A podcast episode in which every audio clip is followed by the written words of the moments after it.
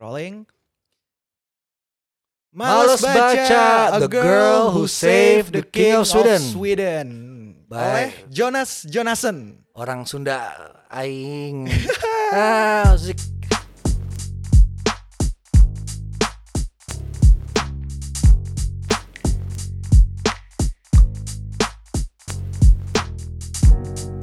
Oke. Jadi sekarang kita bahas uh, a girl seorang cewek yang yang menyelamatkan uh, raja Swedia. Iya. Iya, ini part 1 ya dari dua part. By the way, uh, welcome back to Males Baca, sebuah podcast untuk mereka yang males baca dan pengen kelihatan. Pinter dan keren. Anjir, banyak orang Indonesia tuh. Yes. Buset deh. Masih balik lagi sama gue, host monster kalian, Nosa dan ada Gue Jack yang uh, suka ngedit audio sama Iya. anak-anak orang buat rekaman podcast. produser kita Jack ya. Sekarang Jack naik jadi produser. Eh. Karena dia udah ngeditin sampai habis tuh. Jadi diproduce ini nih.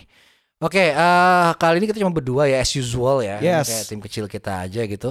Eh, dan kita eh, hari ini akan bahas sebuah buku yang udah lumayan lama dan udah populer banget buku ini. Eh, ini buku populer lain dari Jonas Johnson selain yang 100 Years 100 Old- Years Man Old who Man jump out of the window and disappear. Ah gitu. Jadi Jonas Johnson ini kayak ketahuan dia orang Sunda dan dia suka baca lampu merah, lampu merah gitu ya. Jadi judul-judul novelnya tuh semua kayak kayak lampu merah gitu. kayak, Yoi. Nenek-nenek eh, apa eh, dirampok rumahnya, buka baju telanjang, rampoknya kabur gitu. Kayak gitu. Kayak gitu-gitu. Jadi itu Jonas Johnson tuh emang kayak plotnya dikasih di luar gitu. Jadi eh, bete banget kan kalau orang-orang yang suka twist gitu ya. Oh iya udah dikasih dulu ya berarti Endingnya udah tahu gitu. iya sih ngap- ngapain kita baca males baca judul buku ya ini buku keren banget sih. Ini buku kedua Jonas yang gue baca ya dan dua-duanya tuh nggak cuman komedi tapi juga sangat cerdas, penuh dengan data-data yang faktual dicampur sama yang fiksi. oh Dan kadang-kadang kalau ada data- data-data yang secara sejarah dan fakta tuh ditutup, ditutupin gitu ya kayak nggak nggak nggak tahu tuh apa yang terjadi sih di belakang layar gitu dia karang tuh main anjing. oh berarti dia ini dong apa dia suka nongkrong di forum-forum konspirasi kiri-kirian gitu iya nggak Ka- eh, eh, kayak kayaknya iya juga sih. Cuman eh, apa namanya konspirasi-konspirasi yang dia bikin tuh nggak masuk akal. oh gitu Kayak anjing, tapi mungkin, tapi nggak masuk Oh, akal. nice. gitu. Berarti kita kita di sini fokusnya ke kerenan ke ke- kerenan bukunya ya, bukan karena kan kita kita kita udah tahu plotnya nih kayak oh dia akan nyelamatin Raja Swedia gitu kan. Iya, iya. Enggak, eh, pokok in- intinya sih gini, intinya orang tuh harus baca buku ini atau ngomong bahwa gue udah baca buku ini gitu. Ah. Karena buat gue ini eh, buku yang eh, apa eh, bisa banget jadi bahan lo untuk eh, selain ngebanyol-banyol ini ya, ngebanyol-banyol yang apa namanya eh, dark joke dark Ah, joke gitu ya. Ini juga bisa jadi kayak pengetahuan umum yang agak ngaco tentang dunia dan perang dunia kedua gitu loh. Alternate history gitu Oh bukan? iya, atau history gitu. Jadi anjir nih orang gila banget deh. Eh, eh, dan dan bedanya sama yang 100 years old man who jump out of window out of the window And disappear. Orang yang Gila. ini Hah? yang ini eh, tokoh utamanya bukan cowok tapi cewek yang kita lihat hidup dia dari kecil sampai dewasa. Wow. gitu. Dan ini memang mirip-mirip sama Laskar Pelangi eh, versi ya, ya, ya, ya, ada tokoh di Laskar Pelangi itu yang orang pinter banget tuh di novelnya Hmm, tuh. si iya Apa ada tuh namanya? bolang Yang- bolang. Ya ah, pokoknya si bolang yang baca-baca buku kim- fisika yang nggak mungkin ada itu yang Iya, yang jadi Ketika- supir truk. Iya ketika dibikin ini ketika dibikin apa namanya ketika dibikin film sama Hmm? Riza dihilangin kepintaran eh, baca bukunya gitu karena nggak masuk akal. Tiba-tiba pinter. Iya nggak bisa baca New- Newton gimana ceritanya umur 9 tahun nah. Kalau ini kayak gitu sebenarnya mirip-mirip gitu ya logikanya ada seorang bocah Hmm. kecil yang bapaknya nggak tahu siapa, ibunya kayaknya mungkin pelacur ya. Dia lahir juga tinggal di komplek toilet umum. Bentar, jadi itu kok gue gue gue nangkepnya komplek kalau toilet umum tuh kayak yang di SPBU gitu yang berjejer komplek toilet iya, toilet gitu. iya betul. Ini Serius? ada- iya, iya. Jadi toilet umum di Afrika Selatan. Wow.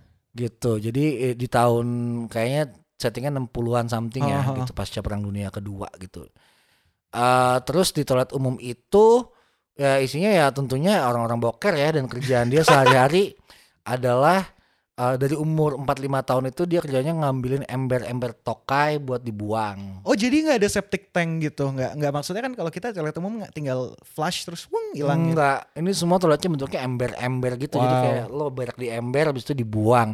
Tau gak lo toilet semi permanen buat syuting tuh? Ha, ha, ha. Nah yang kayak gitu tapi lebih parah lagi gitu. Itu kan zaman Astaga. baru, itu kan zaman sekarang ya. Pakai truk kan ada ada truknya yang bawa, truk yang ngambil tainya gitu.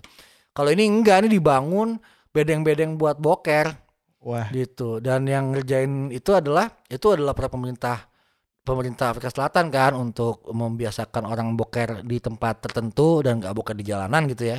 Oke. Khususnya orang-orang apa namanya kulit hitam gitu. Berarti dia dibayar pemerintah dong si tokoh utama kita Tokoh ini. utama kita ini dia adalah tenaga kerja bocah yang nggak dibayar. Dia dibayar cuman kayak dikasih tip jajan doang aja gitu di awal-awal Oke. gitu. Jadi memang eh, namanya Nombeko tokoh utama kita perempuan. Nombeko. Iya Nombeko. Jadi keren banget sih dari awal tuh anjing ini tokoh ini tinggal literally di antara orang-orang yang eh, menengah bawah kulit hitam South Africa yang apartheid gitu ya. Hmm, hmm, hmm. Terus dia juga punya atasan bos dia. Dia masih kecil kan, tapi Hmm. bo- bos dia tuh orang tu- tua eh, kulit hitam juga gitu. Yang punya bos lagi di atasnya eh, orang kulit putih keturunan Hmm. Jerman yang gobloknya setengah mati gitu ya. Jadi eh, goblok banget nih orang gitu, nggak pengen kerja kayak udahlah yang penting gue dapat duit bulanan dari pemerintah gitu. Oh, I Nah see. terus si orang tua ini tuh nggak eh, nggak bisa ngitung, nggak bisa baca tulisnya juga seadanya gitu. si Jerman ini atau Enggak si si orang tua bos Nombeko di atas Nombeko Oh, ini. di atasnya bos Ah, langsungnya berarti. ah, nah, jadi si Nombeko itu eh pelan-pelan karena dia dia ini kan di, di rumahnya kan ibunya kayak pecun aneh gitu ya, kayak apa namanya? Pec, apa eh ibunya tuh nggak jelas banget gitu. Mabok doang kerjaannya, jadi mecun buat beli narkoba, mabok tidur. Bokapnya ngapain? Bokapnya nggak ada lah, nggak Oh, tahu udah. siapa bapaknya. Oh, Sri. Oh, iya karena dia Iya. Ibunya- ibunya ya. nggak tahu apaan juga ya. ibunya pecun ya, sorry banget. Cuman ini kan fiksi. Jadi ibunya Eh, pecun nih. Ibunya pecun. Eh, apa? eh, tapi juga awalnya ibunya juga kerja tuh nggak ngangkatin ember sampai dia nggak mau kerja karena anaknya bisa kerja. Jadi dia nggak mau kerja. Oh. Jadi dibiayain anaknya buat mabok tiap hari. Kasihan banget tuh anak umur lima tahun gila. gitu. Nah, eh yang bikin ini spesial adalah Nombeko ini eh dia belajar berhitung tanpa sekolah Hmm. Itu ketika eh, dia banyak nongkrong di kantornya si orang Afrika ini Hmm.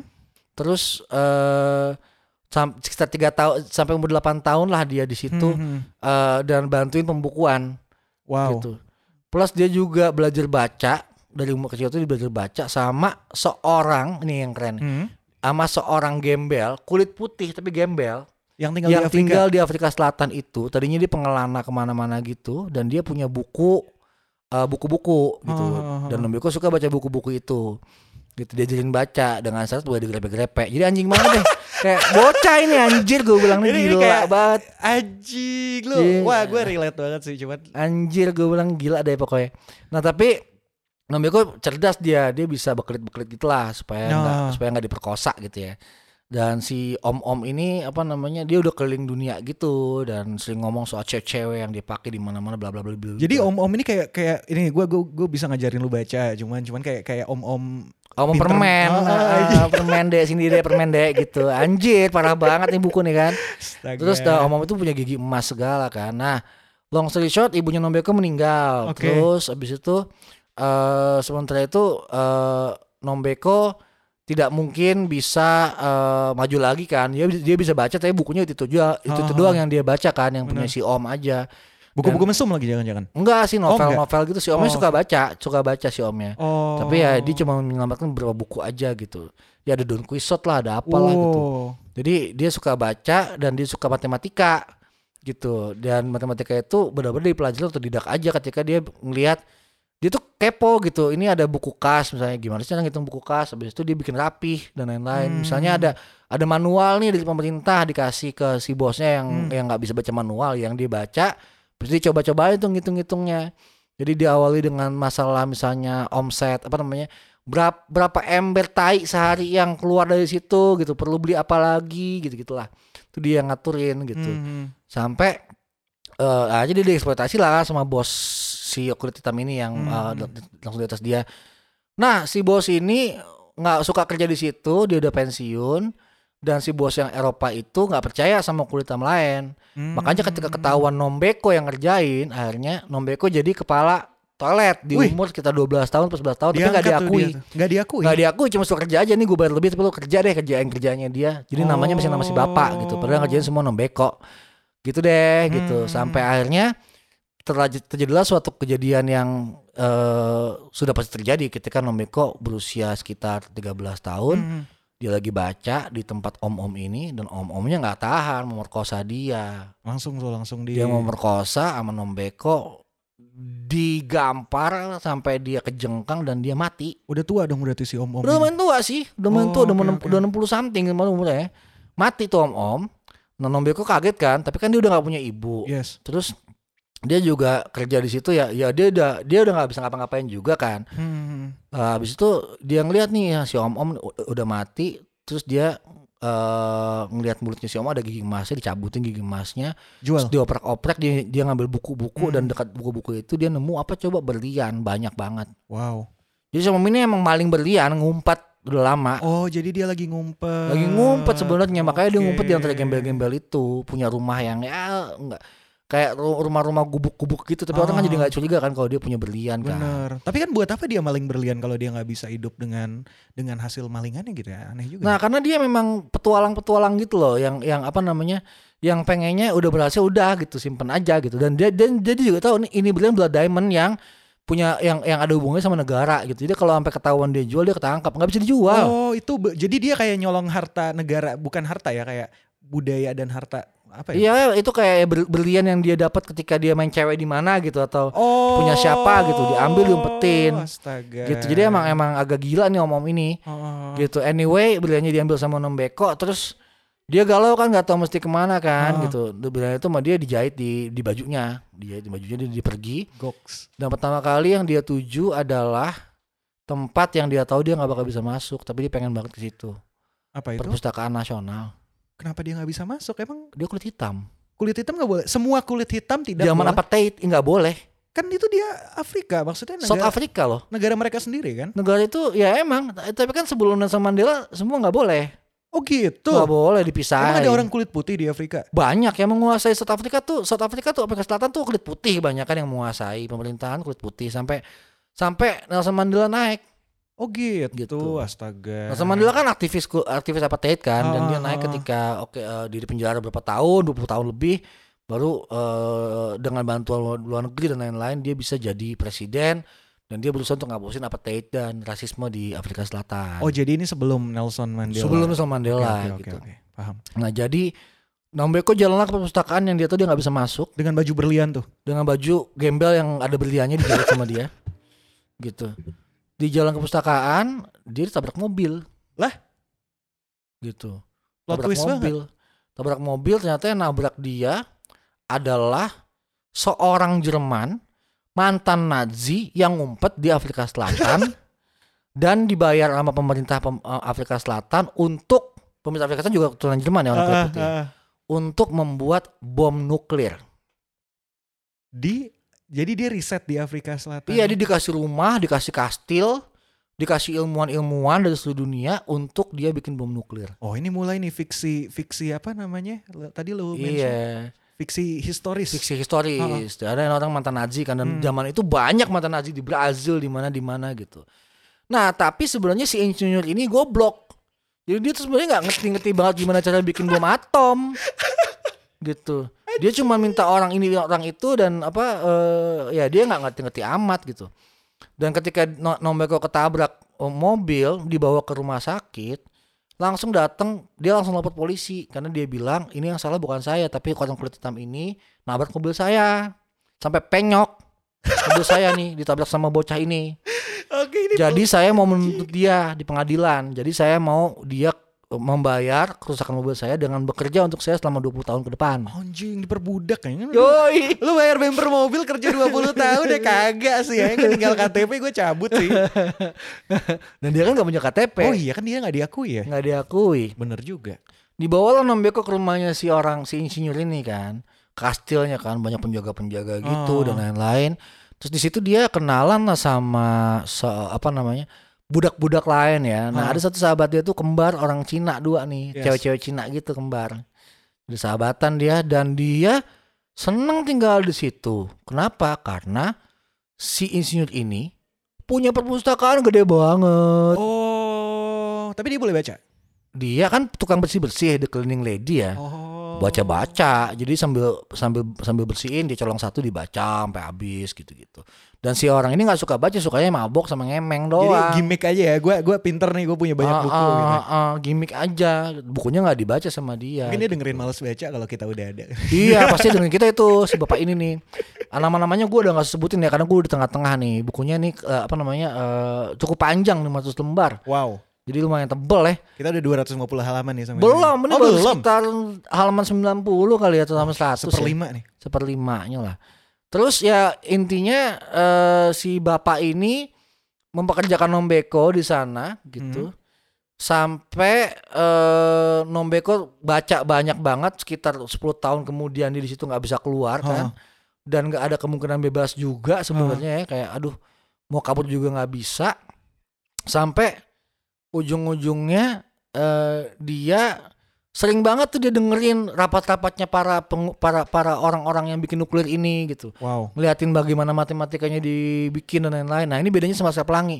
Nombeko tuh pinternya pelan-pelan. Nggak langsung Gak langsung emang pinter. Dia emang suka baca dan curiosity-nya gede banget gitu. Hmm. akhirnya ya udah tuh dia dengerin itu sampai suatu hari ini mandek nih mereka nih soal aduh gimana nih ya kita apa namanya eh, bikin bomnya nggak kelar-kelar Mhm. karena nggak nemuin apa namanya rahasianya Oppenheimer dalam membuat bom atom gitu ya sampai eh si insinyur mabok-mabokan malam-malam ketiduran Nombeko ngeliat ke papan tulis kayak gue tahu jawabannya Wah ini. ditulis-tulis sama dia ketemu rumusnya Tapi si Nombeko nggak tahu kalau bapak-bapak ini Nazi dan dia harusnya nggak tahu. oh dia tahu dong Dia tahu. tahu dong kan 10 tahun pasti kedengeran dan dia tahu juga bahwa bapak ini rasis banget udah pasti kan gitu dan dia cuma binatang peliharaan buat bersih-bersih rumah cleaning lady Dan gitu apakah kan. dia tahu sejarahnya Nazi dalam artian? tahu kan baca dan ngobrol-ngobrol kan dia mendewasa di perpustakaan terus dia dengerin radio juga di situ ada radio dan lain-lain Wow. gitu oke oke. Jadi di- dia tuh dikasih akses ke hal-hal paling mewah di dunia zaman itu Wow. karena jadi pembantu gitu dan pembantu ini pembantu yang agak-agak aneh karena keiris banget gitu Hmm. dan jangan lupa bahwa sebelum itu dia juga udah baca tempat lain dia udah dari awal juga apa namanya eh, bisa eh, matematika juga tambah tambah jago di situ dia Tapi kan kalau misal dia ngelarin nih rumus itu, dia harusnya tahu implikasinya dong. Dalam artian tahu sejarahnya Nazi dan lain-lain. implikasinya dia nggak pikirin karena dia suka sama matematika Sesimpel itu ya. Iya simple gitu. Ketika si bapak ini bangun pagi-pagi udah selesai terus dia bilang wah saya berhasil menemukan rumusnya. Oke yuk kita kumpul kumpul kumpul kumpul. Dibikinlah dua bom. Jeng jeng. Dua bom satu bomnya tuh lumayan gede ya segede meja kali ya satu bomnya. Wow.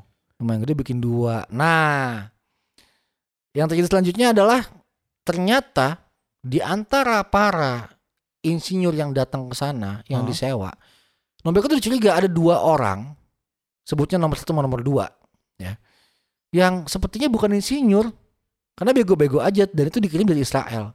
Heeh. Yang ternyata mereka adalah agen Mossad. Mossad itu siapa? ya? Mossad adalah a- agen intelijennya Israel, Oke. gitu. Kayak CIA gitu. kayak CIA Ah, punya. Israel dan mereka memang ditaruh di situ untuk dan jangan lupa ya karena apa namanya kan mereka Yahudi ya tapi Yes, nyamar kan Yes. nyamar kan berarti mereka benci banget sama si mantan Nazi ini kan sebenarnya kan pengen diambil tuh dua-dua Hmm. bomnya gitu nah anyway bom apa namanya eh, bom yang pertama dikasih ke eh, enggak intinya gini. Intinya dua orang ini mem- memberikan eh nombek dia kompak-kompakan sama Nombeko dan dua budak lainnya budak Cina itu untuk eh, lo kalau mau lepas gua kasih duit dari sini gitu ya. Ya lo mesti eh, bisa gimana caranya eh apa namanya mem- ap- eh, melumpuhkan banyak orang di sini penjaga-penjaganya terus kita bawa kabur bomnya dan lo gue bawa kabur keluar gitu Berarti si sahabatnya juga ikut dalam rencananya. ikut tiga dua ya, eh, ikut dan mereka juga akhirnya karena pas ketahuan bahwa oh, bomnya jadi dan nggak boleh keluar nggak boleh Ah. dijual gitu kan diyakinkan nih lo salah lo lo telah membuat ini bahaya lo bla bla bla bla ayo kita mesti selesaikan ini jadi mendingan dikasih ke pemerintah Mossad aja terus satu bom lagi eh ya ditaruh di di Afrika Selatan gitu ya maksudnya terus Hmm. ujung-ujungnya yang dilakukan karena dua orang Cina ini adalah pembantu yang tugasnya di dapur mereka ngeracunin gitu. Dan- tapi itu semua orang di- di- dikasih obat tidur rencananya kasih obat tidur supaya ketiduran gitu ya habis itu mereka akan kabur dari situ sama-sama agen Mossad gitu-gitu kan Ya obat tidurnya dikasih agen Mossad nih di Ah. stok. enggak si Cincin ini emang jago Oh gitu. emang mereka emang bisa bikin obat tidur dan lain-lain cuma kan Wow. mereka kan nggak nggak mau mereka bilang kalau gue pengen cabut bisa cabut kapan aja cuman kan gue pengen gue nggak pengen cabut orang gue nyaman di sini Oh. Nah, si Cina-Cina ini juga ketangkep dan di situ karena mereka adalah penipu barang antik. Jadi dua-duanya orang ini dua-duanya tuh suka bikin guci-guci gitu atau bikin kuda-kudaan apa. Terus mereka jual ke kreator-kreator Eropa bilang bahwa ini adalah peninggalan dari dinasti Qing gitu-gitu. Eh, forger ya. Bohong, forgery iya. Jadi mereka emang jago lah nih dua orang ini emang gila sih si kembar cewek dua ini gila sih. Nah, tapi mereka ceroboh apalagi adek a- a- apa namanya adiknya gitu. Oh. Jadi cerobohnya adalah eh, eh mereka bertiga kalau nggak salah bukan berdua. Cerobohnya adalah maksudnya kan untuk nidurin orang ya, Ha-ha. tapi malah salah obat. Jadi mati tuh. Mati semua. Semuanya mati men. Kayak kayak anjing. Gue gue pengen tidurin orang terus kayak salah deh cuy. Ya udahlah ya. Ya udah ya gitu mati semua gitu. Nah anyway Nombeko tuh punya kolateral lah istilahnya. Kalau Ah. kalau gue apa nggak lepas dan lo bunuh gue, eh, apa namanya, eh, lo nggak apa, gue akan gue udah udah siapin kolateral nih karena temen gue yang dua ya temen Cina gue nggak ikut gue, dia ikut tempat lain, kaburnya tempat lain dan mereka Ah. akan ngomong ke seluruh dunia bahwa lo telah meracuni ilmuwan Jerman ini dan lo ngambil eh, bom atomnya gitu ke, ke agen Mossad 12 ini. Wow. Terus anyway eh ya udah tuh si agen Mossad 12 itu oke deh gue bantuin lo keluar Hmm. dan lo cari Suaka. Suakanya ke mana? Ke Stockholm gitu ke Swedia gitu ya dari South Africa Em, dia, dia- dia naik mobil sampai airport eh kabur jadi pengungsi ke Swedia. Nah sebelum dia ke Swedia itu eh dia tugasnya adalah eh membawa itu bom sama-sama si agen agen Mossad Hmm. ke kedutaan eh, Israel naruh itu dan nanti itu akan dikirim ke Swedia Jadi bom itu mereka ke Israel dulu ceritanya. iya Iya gak sih? iya nggak nggak mereka ke kedutaan Israel Ke- di Swedia. nggak di, di di Afrika Selatan Di Afrika Selatan. Oke oke. untuk oke. nanti dikirim ke Israel. Swedia Swedia. ke Swedia karena apa namanya apa eh, nggak boleh ketahuan kan bahwa itu bom jadi Yes, kalau udah yes. masuk kedutaan kan udah tanahnya orang Israel tuh Betul. baru habis itu dikirim ke Swedia untuk diambil sama si agen satu Oke. Nah, Eh, di perjalanan it- da- da- apa namanya si Nombeko itu dari tempat dia kerja itu dia ngebawa jerky tuh nggak daging kering kayak empal gitu Ah, yang khas emang khas Afrika Selatan dia Oh. bawa gitu dan dia tahu kalau gue dagingnya nggak boleh dibawa di atas pesawat ya yes. dia mau kabur kan akhirnya ditaruh daging itu di dekat bom atom satu paket bom atomnya. Oke, menarik. oke ya kan? Anyway dia kabur ke Swedia gitu ya ke Stockholm. Dan apa namanya awalnya dia jadi kayak dengan, dengan statusnya dibikinin sama Mossad. Statusnya Wis. adalah dia refugee. Gokil. refugee dia gitu kan. Udah tuh sampai ke Swedia karena Swedia terbuka banget sama refugee ditolongin dan lain-lain. Gitu ditolongin dan dia eh apa namanya nggak sengaja kenalan jadi eh, kita kisahnya jadi apa namanya eh, pecah ke toko lain Hmm. ada toko namanya Holger 1 dan Holger 2 Beda sama si Mossad satu. beda sama sama Mossad dua. 2 jadi Holger 1 Mossad Holger 2 tuh gini jadi ada saat ad- ini diawali dari kisah bapaknya dulu jadi ini Ah. panjang banget nih anjing panjang banget dan seru banget ada bapak-bapak namanya Holger Holger ini dia orang yang sangat-sangat sayang dan mengabdi sama Raja Swedia. Nah ini yang di situ. Oh. Sangat oke. mengabdi sama Raja Swedia. Sampai suatu hari dia ketemu sama Raja Swedia itu dan dia dihardik. Ditolak gitu. Kayak fansnya apaan sih lo? Nah dia benci langsung. Dia benci, dia pulang ke rumah dan dia berusaha untuk ikut-ikut klub demokrasi, anti monarki dan lain-lain. Cuman karena dia agak geblek ya sebenarnya ya. Jadi orang juga benci sama dia gitu. Akhirnya dia kerja di kantor pos jadi pegawai rendahan gitu. Dia punya istri eh, dan apa namanya? Istri itu juga bete sama dia karena dia selalu ngungkit betapa benci dia sama raja gitu. Si Holger ini. Si Holger ini sampai istrinya hamil nih, hamil anaknya kembar. Dan ini Holger satu, Holger dua nih anak kembar. nih. Iya, kenapa nggak ada kenapa nggak dinamain? Karena begini, begitu tuh anak kembar lahir, bapaknya langsung mikir, oh, kalau gitu karena dia kembar, gue udah punya plot buat membunuh Raja Swedia. Lah? Gue akan gedein dua anak ini, satu anak gue kasih identitas, satu lagi enggak, Oke. gitu. Jadi dia bisa dia bisa punya alibi ketika saudaranya bunuh Bener. Raja Swedia. Wah, gokil sih. Anaknya dididik jadi assassin tuh berarti. Iya, rencananya, rencananya. Akhirnya dia pilih kan anak pertama namanya Holger, anak kedua nggak dikasih nama. Gitu. Akhirnya anak kedua cuma dikasih nama tuh doang, dua. Tuh. Eh dua, eh Holger, eh dua gitu. Oh. Jadi nggak dikasih nama, Bro. Nah, salahnya dia, nah Holger satu tuh dikasih hak sebagai manusia. Rencana dia yang nanti ngebunuh raja adalah nomor dua. Nggak kebalik. ya siapa pun yang bunuh eh ya, sorry, sorry. nomor satu nomor satu bunuh raja nomor dua enggak nomor dua cuman decoy gitu ya jadi Ah. lo ada di mana gitu ya bayangin orang yang lahir cuman buat jadi decoy gitu kan bangsat banget nih si nomor dua nih di lahir mau jadi decoy gitu kan anjing. Nah anyway si raja ini eh si raja si bapak ini si Holger Holger senior menyekolahkan anaknya sebagai satu supaya ngerti banyak hal gitu kan disuruh baca disuruh diskusi soal raja. Dan anaknya tuh ternyata sangat tolol. Karena di sekolah juga nggak mudeng gitu.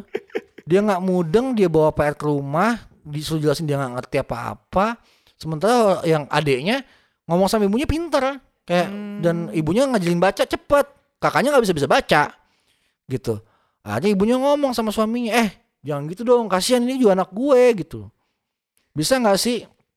Dia sekolah. Terus ganti-gantian nih berangkat ganti-gantian bola sekolahnya ya. Ya udah gitu. Soalnya kan nggak mungkin anak lo nggak lulus lulus nih. Masa nggak lulus kelas satu sih? Ah, bego ah, banget gitu. Ya udah ya udah ya udah kita ganti-gantian aja. Nah Ini jadi Ah. masalah dong di sini. jadi masalah karena kalau hari Senin yang Pinter. masuk kalau ke satu pin Oh, goblok Hari Selasa kok pinter ya kayak ini gimana gurunya aneh gitu loh tapi setiap ujian yang masuk pasti anak nomor dua Oh. dia selalu lulus Astaga. gitu aneh banget kan anjir Jadi Nah. kayak pinternya musiman ya. Yoi, yoi gitu. Terus kayak aneh aneh aneh banget lah. Nah ketika beranjak ber- ber- remaja, ibu mereka meninggal. Oke. Ibu mereka meninggal, bapaknya sendirian dan tambah gila tuh si bapak gitu ya. Sangat eh, kerjanya serabutan dan lain-lain gitu. Sampai eh, apa namanya? Bapaknya tuh ngabisin semua duitnya buat bisnis yang aneh lah dia beli truk gitu untuk untuk rencananya truk itu mau dipakai entah kalau kita bunuh raja kita pakai pokoknya semua konspirasi teori gitulah Oh. Nah, sementara anak kedua kan bete banget ya. Anak kedua Yes, kan yes, gue yes. nggak gue nggak mau ikutan sebenarnya kayak gitu-gitu. Tapi anak pertama udah harus bunuh raja, harus bunuh raja gitu-gitu lah gila sih. Anak pertama kepengaruh banget sama bapaknya gitu. Anyway, eh kacau banget kan. Gue bayangin anak satu kayak gak bisa apa-apa tapi didoktrin kayak harus bunuh. Harus bunuh raja, harus bunuh raja kayak gitu. aneh bener ya. Iya parah. Nah, habis itu eh akhirnya kan bapaknya mati tuh. Ah, Bapaknya mati, terus banyak sih kejadian lucu-lucu yang gue gak bisa ceritain karena karena detail banget kan Ah. lucunya kan. Bapaknya jadi sempat jadi tukang patung lah apa segala yang yang gak masuk akal gitu. Dia jual-jualan patung raja gitu kan kayak Astaga. aneh banget dia jual-jualan patung raja gitu loh. Oke. Sampai rajanya udah mati. apa namanya intinya eh intinya dia pengen ngabisin monarki Swedia aja. Gitu. Gak boleh ada simbol-simbol raja lagi gitu. Ah, Ya udah, habis itu bapaknya mati dan dua anak ini kan harus cari duit kan. yes. Nah si Holger 2 yang pinter kan Akhirnya dia berusaha untuk deketin mana nih ada perusahaan yang Bisa nggak kita kerja modal kita cuma truk doang gitu Ah, ah. Dapatlah satu perusahaan yang mau bangkrut Perusahaan bantal Oke. gitu. Di sebuah tempat yang udah disita pemerintah juga sebenarnya. Nah yang punya bapak Bilang coba deh boleh nggak? Ini kan bantal nggak laku-laku saya jualin Ah. deh. Saya pakai truk jualin bantal gitu. Holger 2 jualan bantal jalan-jalan sampai dapatlah ke hotel ada yang mau beli siapa ada yang mau beli. Karena bantal kan murah banget harganya dan bagus bantal angsa gitu. Dan stoknya banyak banget karena ini bisnis rugi kan.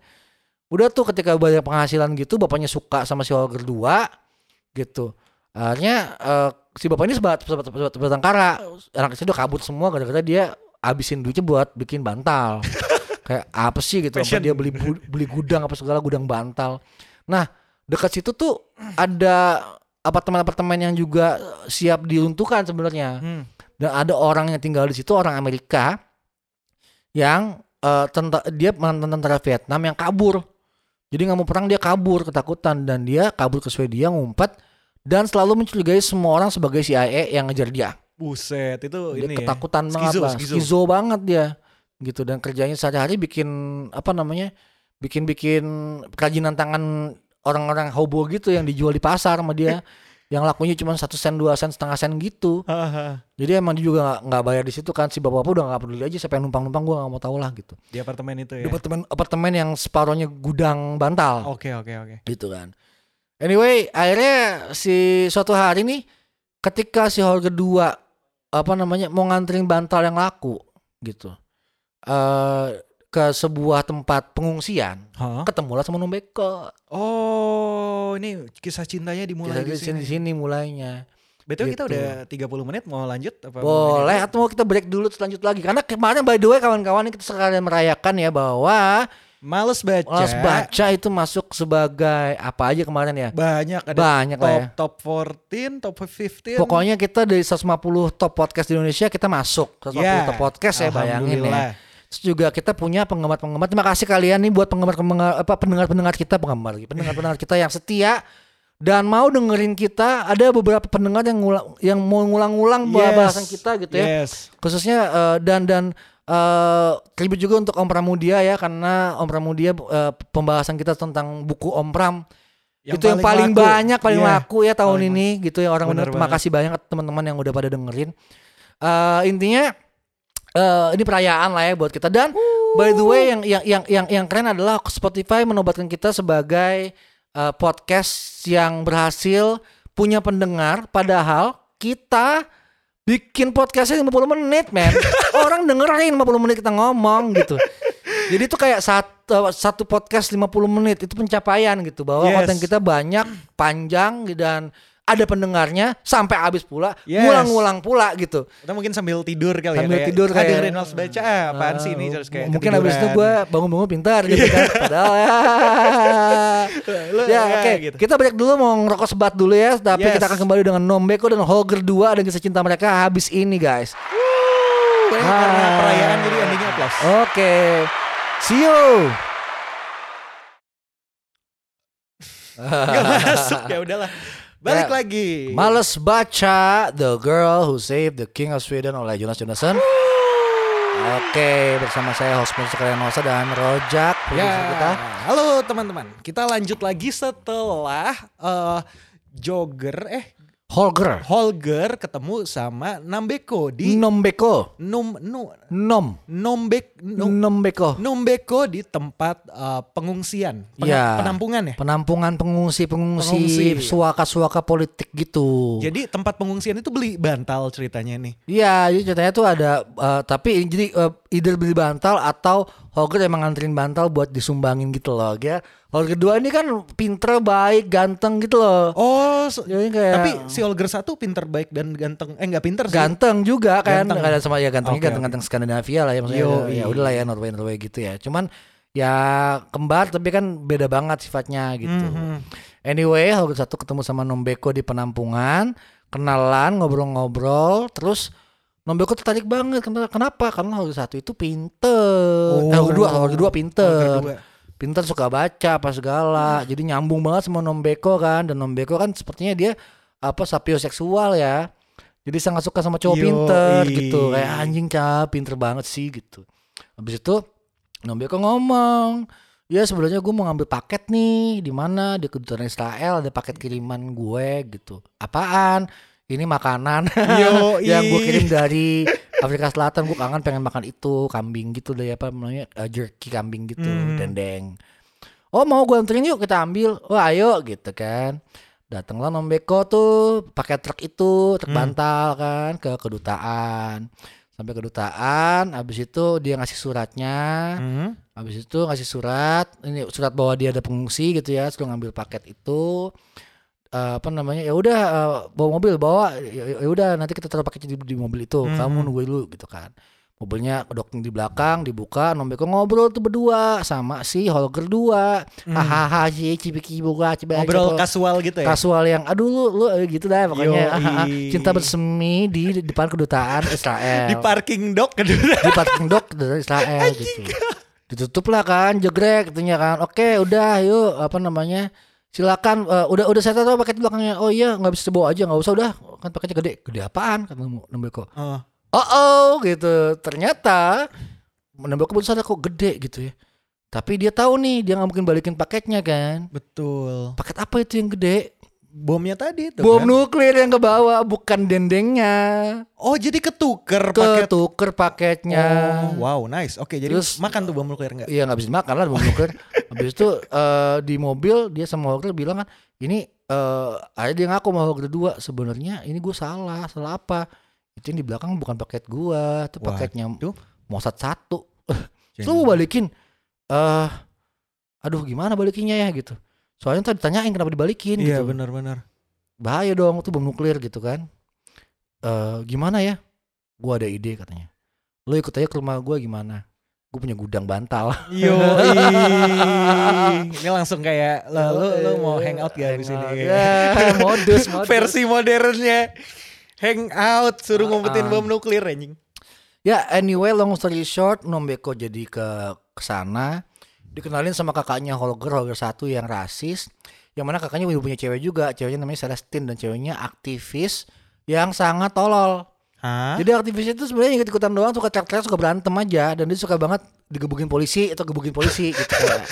Aneh banget cewek gitu kan, sok-sokan pinter gitu padahal bego gitu. Anyway, yaudah Nombeko ada ke sana. eh untuk mempercepat sing, eh, mempersingkat kisahnya, eh ditemani Hogger 2 dia mencari kawan-kawannya si Cina-Cina ini kerjasama bareng.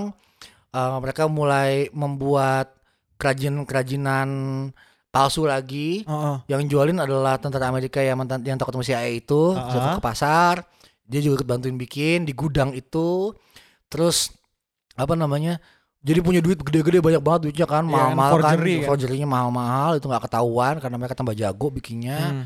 dan Nombeko juga bisa riset dan lain-lain untuk tahu bahwa mana yang gimana bedanya antara yang forgery sama yang enggak Hmm.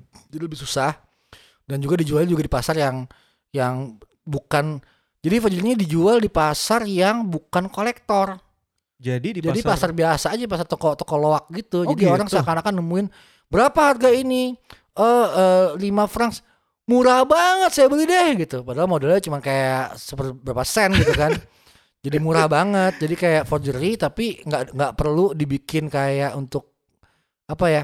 Nggak perlu ini ya nilai-nilai kulturalnya nggak iya, perlu sampai nggak perlu sampai segitu itu. itu karena yang beli cuman cuma pengen punya aja. Ah, Tapi lama-lama yang banyak yang beli, banyak yang beli laku gitu kan.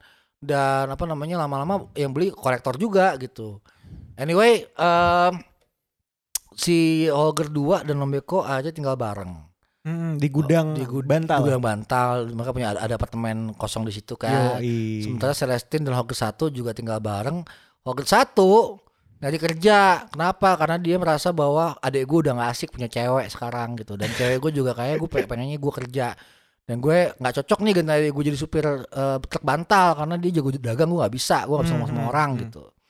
Akhirnya dia ngelamar lah ke sebuah perusahaan yang sesuai cita-cita dia. Dia tuh pengen banget bisa bisa bawa helikopter.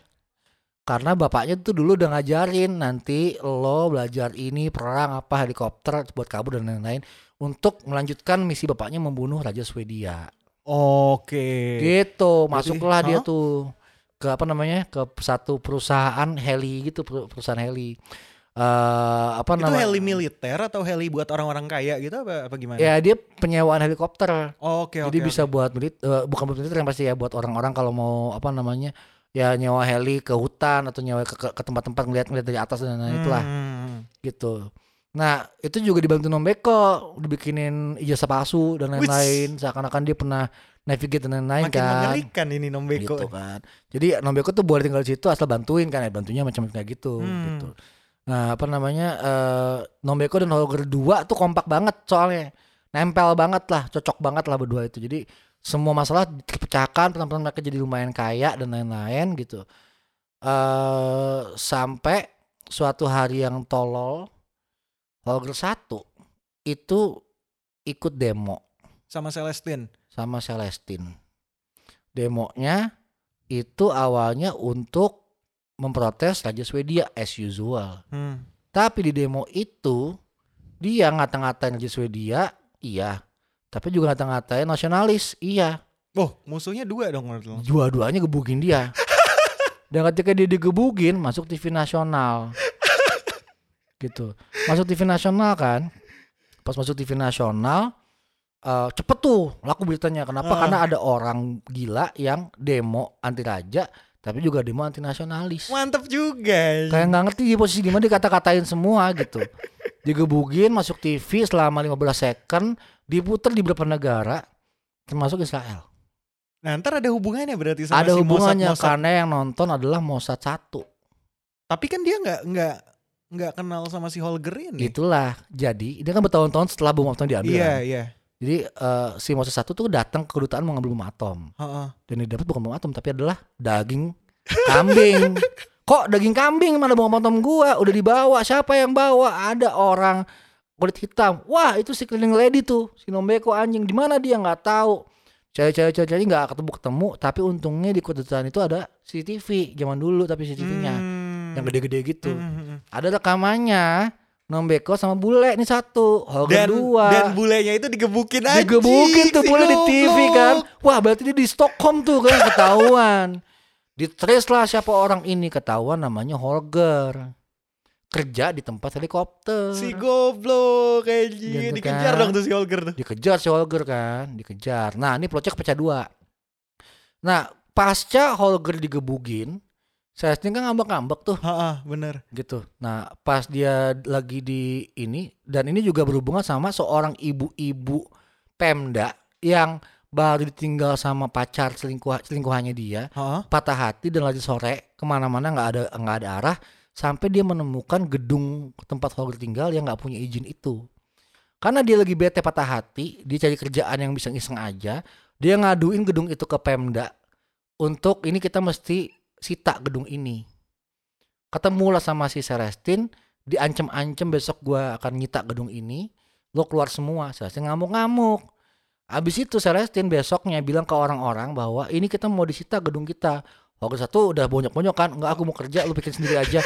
Hogas tuh kerja tuh ke kantor kerja. Celestin sendirian eh, sama, sama si dia ngomong sama Nobel sama ini gimana kita mau di ya nggak asal lu jangan jangan rusuh-rusuh kita nggak apa-apa kok ntar juga dia paling ada notisnya lagi dia tuh marah karena ada yang ngirimin tempelan di pintu bahwa ini disita ngamuk dia Oh. nah dia pengen balas dendam nih ke Pemda nih gimana caranya Gokil si Celestine Gitu. ini. iya akhirnya Celestin eh, nelfon-nelfon orang semuanya eh ah lo gila lo. Macam-macam dia bilang ini kami adalah eh, orang-orang yang ditekan oleh pemerintah. Tolong kami tolong kami. Nggak ada yang mau nolong kan. Sampai Twitter do your magic gitu ya. iya, udah itu terus ditelepon-teleponin sampai dia putus asa dia nelfonin polisi. Dan bilang sama polisi bahwa eh apa namanya eh ada gerakan teroris bawah tanah di tempat ini sedang kerja. Datang deh rencana dia Biar apa itu? supaya nanti ada nanti bisanya polisi datang rame-rame nanti ditelepon wartawan kan ada polisi datang ada Ah, isu ah, ah. gitu. Kalau ada isu, eh nanti dia ngomong ke wartawan bahwa enggak kita dituduh teroris, kita diusir gitu. Bohong gitu. Oh, Oke. Rencananya begitu. Polisinya, polisi tempat daerah mereka tuh di suburban ya, bukan di tengah-tengah Ah, Stockholm. ah, ah. Itu polisinya pengangguran semua, nggak pernah ketemu yang gede-gede. Begitu kayak gitu, heboh. Wah ini kasus Wah, nih. kasus nih, kasus nih, mantep nih gitu kan. Udah tuh ngumpul-ngumpul tuh timnya semua, ayo kita ke sana. Sama si habis itu eh untuk memperlihatkan bahwa ini adalah tempat yang rusuh, si Celestin dengan gobloknya membawa truknya Holger buat nutup jalan, terus di apa namanya dikempesin banyak pakai pisau, cak cak cak cak supaya nutup jalan polisi nggak bisa masuk di barikade, Ah. seakan-akan ada sesuatu di situ. Gitu. Nah, polisi mau datang, Holger satu di kantor, bonyok-bonyok mukanya. Datanglah bosnya Holger satu. Lo ngapain masuk kantor? Gue liat lo di TV kemarin, hahaha, lo hebat lo men, gitu kan. Lo pulang aja sana istirahat. Ah, enggak, enggak, enggak, gue gak pengen di rumah, gue pengen di sini kerja, nggak apa-apa. Apa nih dokumen mana yang mesti gue iniin gitu. Udah nggak usah kerja, nggak usah ini aja, udah apa namanya, lo pulang aja gitu. Ya nggak, gue pengen ini dong, bos. Boleh nggak gue latihan lagi pakai simulasi helikopter? Jangan sekarang, udah nanti aja lo pulang aja, udah gitu. Kenapa tuh alasannya tuh? Karena ya dia kan udah bonyok, Bonyok-bonyok kan. gitu ya? Ah, Oh, udah oke, oke. pincang-pincang bonyok-bonyok Gue kira kan. dipecat gara-gara kemarin digebukin. Ah, tapi dia ya nggak dipecat. Oh, Karena- dipecat? nggak dipecat. Kenapa? Karena ya itu, dianggapnya lucu. Komedi Oh. tuh aja. Lo digebukin sama dua orang. Lo maunya apa gitu? Kayak, jadi kayak anjing lucu banget sih nih orang gitu. Kayak nggak nggak mau digebukin juga nggak bisa karena bukan penjahat juga kan dia maksudnya ngemeng aja sih Iya orang ngemengnya apa sih mau lo gitu kan Habis itu bosnya kayak kasihan gitu sama dia lo kasihan banget sih mau lo apa sih gitu Astaga. ya udah setelah deh ini gue mau jalan dulu karena udah banyak pesanan nih gitu Ah. eh, paling ada helikopter satu yang ada nganggur di situ ya udah lu jagain aja lah gitu. Ah. udah aja keluarlah si bos itu kan bosnya keluar semua orang kerja keluar gitu helikopter dia sen- sendirian di kantor. Ah. datang mau satu ke kantor. Waduh. Interogasi. datang diinterogasi. Disiksa sik udah udah bonyok bonyok disiksa kan gitu. Eh, mana si cleaning lady? Siapa cleaning lady? Gua kenal buak gitu. Mana lu? Aduh aduh gitu kan aduh aduh gitu kan.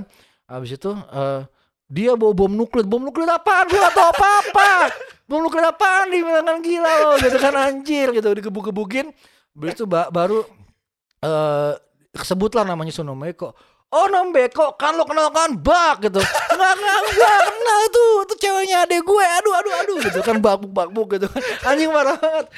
Kasihan bener Aduh. gitu orang. kasihan banget kan oke dari situ. Tunjukin di mana Nom Beko sekarang atau lu gue bunuh sekarang juga. Aduh gimana nih ya gitu. Akhirnya eh, iya kita bisa ke sana sih tapi kayaknya mesti naik helikopter Yeah. Ada ya. Emang eh, lu bisa bawanya? Ya gue kan kerja di gue di kerja di sini gue gue pilot gue pilot gitu gue di sini gue pilot gitu anjing gitu Astaga. ya udah gue pilot gitu ya udah habis itu di todong pistol mana helikopter yang ada ya dibawa tuh sama dia nah ada beberapa masalah nih Jack Ya, ini udah masalahnya banyak banget sih. Dari tadi gue gak bisa nambah masalah lagi. Abis ini kayak anjing fuck up banget. ini yang keren Jonathan Jameson. Ini keren banget Jonathan Jameson. Jadi Holger satu dibawa naik heli dan dia jago banget naikin helinya kan wah jalan tuh. Dia menuju ke ke gudang bantal kan. Ya gitu kan. Ke gudang bantal ditodong senjata kan. Dia bilang iya nombokku di situ gitu. Ada satu masalah yang dia nggak ngomong ke masa satu Apa itu? dia tuh pertama dia nggak pernah bawa heli beneran baru simulasi dan dia belum pernah belajar mendarat Dibilangin masalahnya udah banyak banget ya. Jadi makin, makin fuck up aja. Terus dia nggak bisa mendarat Jack Terus di tengah sambil todong pistol kan terus kayak oke ha, gua gi- dia gimana responnya sambil ditodong pistol dan dan dan apa namanya kegelisahan dia sendiri bahwa gua nggak pernah mendarat gitu. Ya dia dia udah punya rencana tuh. Apa di tuh? Kepalanya rencananya dia gini. Gue kan nggak bisa mendarat Heeh. dan gue dipegang pistol gitu. Ini gue tahu caranya bikin jadi autopilot. Dia kan nggak bisa dia kan nggak bisa bawa helikopter nih, ya kan? Cuma gue yang bisa nih. Jadi gue akan pasang autopilot supaya dia jalan ke arah Pasifik aja mati di Heeh, sana. heeh. Nanti gue bunuh diri.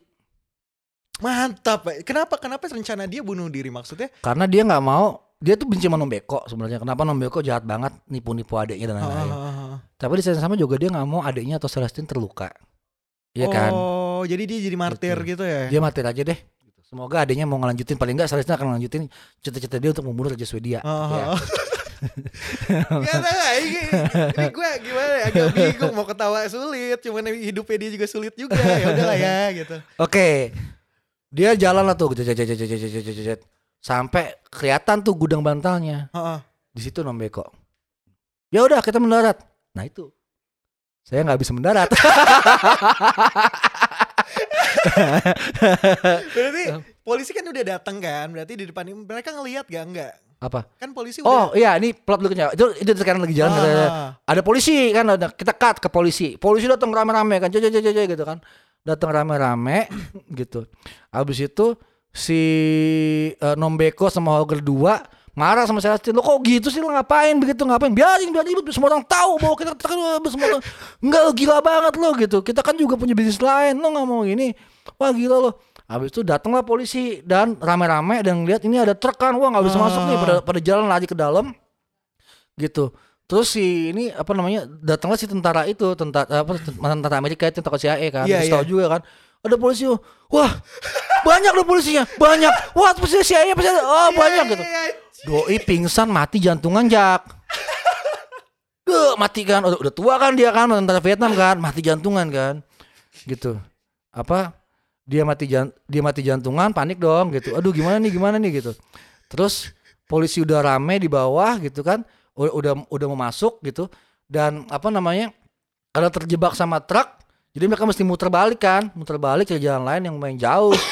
nah, eh abis itu tapi udah kelihatan nih polisinya udah kelihatan udah bawa senjata apa segala Terus si apa Nombeko bilang ke Holger, Holger, apa namanya? Kita kasih statement aja supaya mereka nggak masuk. Apa statementnya? Kita ke atap, Hah? itu mayat lempar aja ke bawah. Sandra. Beneran men, kak Seolah lempar ke bawah. Sandra Sekarang gitu. punya Sandra kan. Heeh. Mundur atau kita buang orang ini. Wah, wah, mundur atau kita buang orang ini. Dia maju kan, Ah. lempar, wah mati tuh. Padahal udah mati duluan. Ngebuang mayat ya, Ngebuang mayat. nggak bunuh orang Nggak bunuh ya. orang, Morally- anjing. Morally correct gitu. Oh, oke, wah, oke. polisinya panik kan. Wah, dibuang beneran. Kami masih punya Sandra banyak di dalam sini. Jangan masuk gitu kan.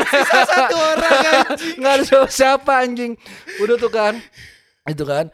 Wah udah panik-panik kan saya seracin Aduh gue minta maaf nih gue gak tahu bakal jadi kayak gini gitu Apa namanya Iya lu gak tahu Ini kita bisnis semua ilegal tahu gitu Oh Kita- serius? ya, Bantal itu ya like oh Bukan. forgery. Forgery. Berarti ada dua si Cina itu juga dong Nah, di dalam apartemen Cina itu udah pindah ke kota lain ada omnya Oh. Ini Jadi mereka distributor doang Oke. Yang bawa hall kedua. Gitu buat jalan-jalan sel- selain bantal juga jualan forgery itu Berarti di dalam kekacauan itu ada lima orang nih so far si uh, tadinya enam kan, cuman si si- apa mantan tentara udah mau cut tuh. Aja ketakutan sih. Guys ya eh, Mantep kan Nggak Jadi udah kayak ya. plantingnya dari awal gitu iya, men plantingnya jauh bener Oh, ya. nih belum nih, ada lagi penting keren banget yang belakangan nih. Oke. Udah panik-panik kan si si, si tentara itu udah mat, udah, udah dilempar keluar gedung, polisi Ah. nahan gitu kan. Eh Hogger satu di helikopter kan jadi jadi jadi jadi jadi jadi. Anjing. Kok di bawah rame banget ada apaan tuh gitu kan. Aduh, gitu kan. Habis itu Hogger satu bilang, gue nggak bisa menda apa namanya oh, eh, dilepas gitu. Oh, lo mau ke mana gitu gue mau mati gitu. Lo mau nembak gue boleh tapi gue mau mati aja gitu. Kalau lo mau lanjut terus lanjut aja mati. Lo boleh mati bareng gue loncat atau lo mati lanjut nggak apa-apa. Dia ke belakang si saya kan panik tuh kan? Eh saya semua sempat panik kan? Hah? Hah? Dibuka tuh jendelanya Greg mau mati gitu. Eh ja, apa-apaan lo dia mau buka ini kan mau buka ngomongnya nggak bisa dia nggak ngerti cara bukanya. Pistol jatuh keseret ke Hoge satu diambil pistolnya gitu kan? Ditodongin. Terus yang paling keren adalah Hoge satu ngomong gini lo jangan ngalangin gue gue mati Kok gak berubah ya? dia dia lupa bahwa itu pistol di tangan dia Anjing absurd ya. habis itu dia loncat Si goblok. wah loncat karena gitu udah tuh loncat Jatuhnya berarti deket-deket apartemen situ dong. jatuhnya ke gudang bantal Berarti polisi lagi ngeliat nih kayak atas nih. Terus apa tuh jebret apa tuh wah gila Absurd.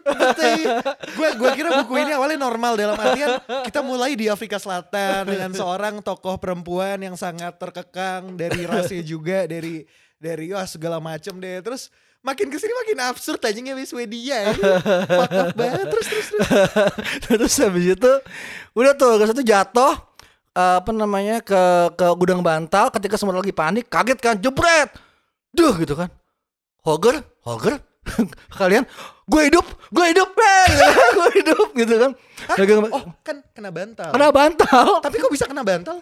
Karena di pas, pas di gudang bantal jadi kan gudang kan lu tau kan pakai seng doang kan Oh iya kan gudang. gudang kira, jadi oke. bukan dia bukan ke atas tapi ke gudang Iya masuknya iya iya iya. Gitu, Kena seng, kena seng, jatuh, kena bantal. Bak, gitu. Anjing Gitu. epic bener anjing itu. udah planting dari awal tuh Iya, gudang iya. bantal anjing Kenapa gudang? Iya ya udahlah. Gila. Genius anjing, Genius gimana? parah kan anjing. Terus, terus, Habis itu jatuh ke gudang bantal.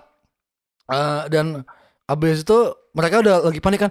Lu pada kenapa? Kenapa ramai banget itu? Itu ada polisi di depan. Habis itu tadi gue ngeliat mayat, mayat siapa? Wah, lu bunuh, lu bunuh. Enggak, enggak, dia mati duluan. Enggak, enggak, kita enggak bunuh gitu. Itu polisi teriak kan, eh, kita akan mengirim negosiator ke sana. Kita akan habis itu, wah gimana, gimana, gimana, panik kan. Terus target satu ngeliat pistol. Dar! Tembak wah! Negosiator anjing. Wah, wah, wah, siapa lagi tuh yang mati wah, wah, gitu kan. Mereka yang dikepung sama polisi. Lalu bagaimanakah selanjutnya? Nah itu. Itu adalah di part 2 minggu Oke. depan. itu di part 2. Jadi part 1 sampai pengepungannya halaman 200-an. 200 something. Ah ini baru 200. Baru 200. Seberapa banyak plot twist di sini? Banyak banget. Judulnya menipu sekali ya. Gue kira Iya. kayak kayak Save the King. Oh kayak kayak oke gue menyelamatkan Raja Swedia. Ternyata anjing ini cerita apa ada. Cuman oke. Tuh males baca part 1. Bentar gue musik dulu baru kita tutup. Oke guys, kita musik dulu ya. Oke. Thank Wah, you. anjing seru banget. Seru ya. banget guys, lo Seru harus baca banget. deh. Lo baca ntar part 2 kita ngobrol lagi tapi ya Yes. eh, gue gue nggak gue ngomong apa pun yang gue ngomongin hari ini nggak ada ngaruhnya sama pengalaman baca lo kalau lo baca beneran. Yes. Karena banyak banget yang gue skip itu detail-detailnya penting-penting banget tuh apalagi ketika dia hidup di di kastil Jerman itu. Itu ya. Kastil oh yang Iya, ini. kastil orang Jerman itu. Ah, ah. Itu tuh banyak banget kejadian-kejadian keren-keren banget ya. Gitu. Apalagi pengalaman dia dengan teman-teman Cina-nya tuh aduh. Dan dia juga bisa bahasa Mandarin loh si Monobeko Wow. diajarin sama teman Fun Cina-Cinanya itu. fact di akhir episode ternyata si Nombato bisa bahasa Mandarin. Iya, bisa bahasa Mandarin. Jadi dia sempet tuh jadi kayak apa namanya semacam eh apa eh, eh, penerjemah gitu untuk untuk si Jerman ini ke orang Mandarin gitu. Eh aneh, aneh banget ya pokoknya. Kita lanjutin Aneh. part 2 Oke, part 2 ya. See you next week guys. Bye. Bye.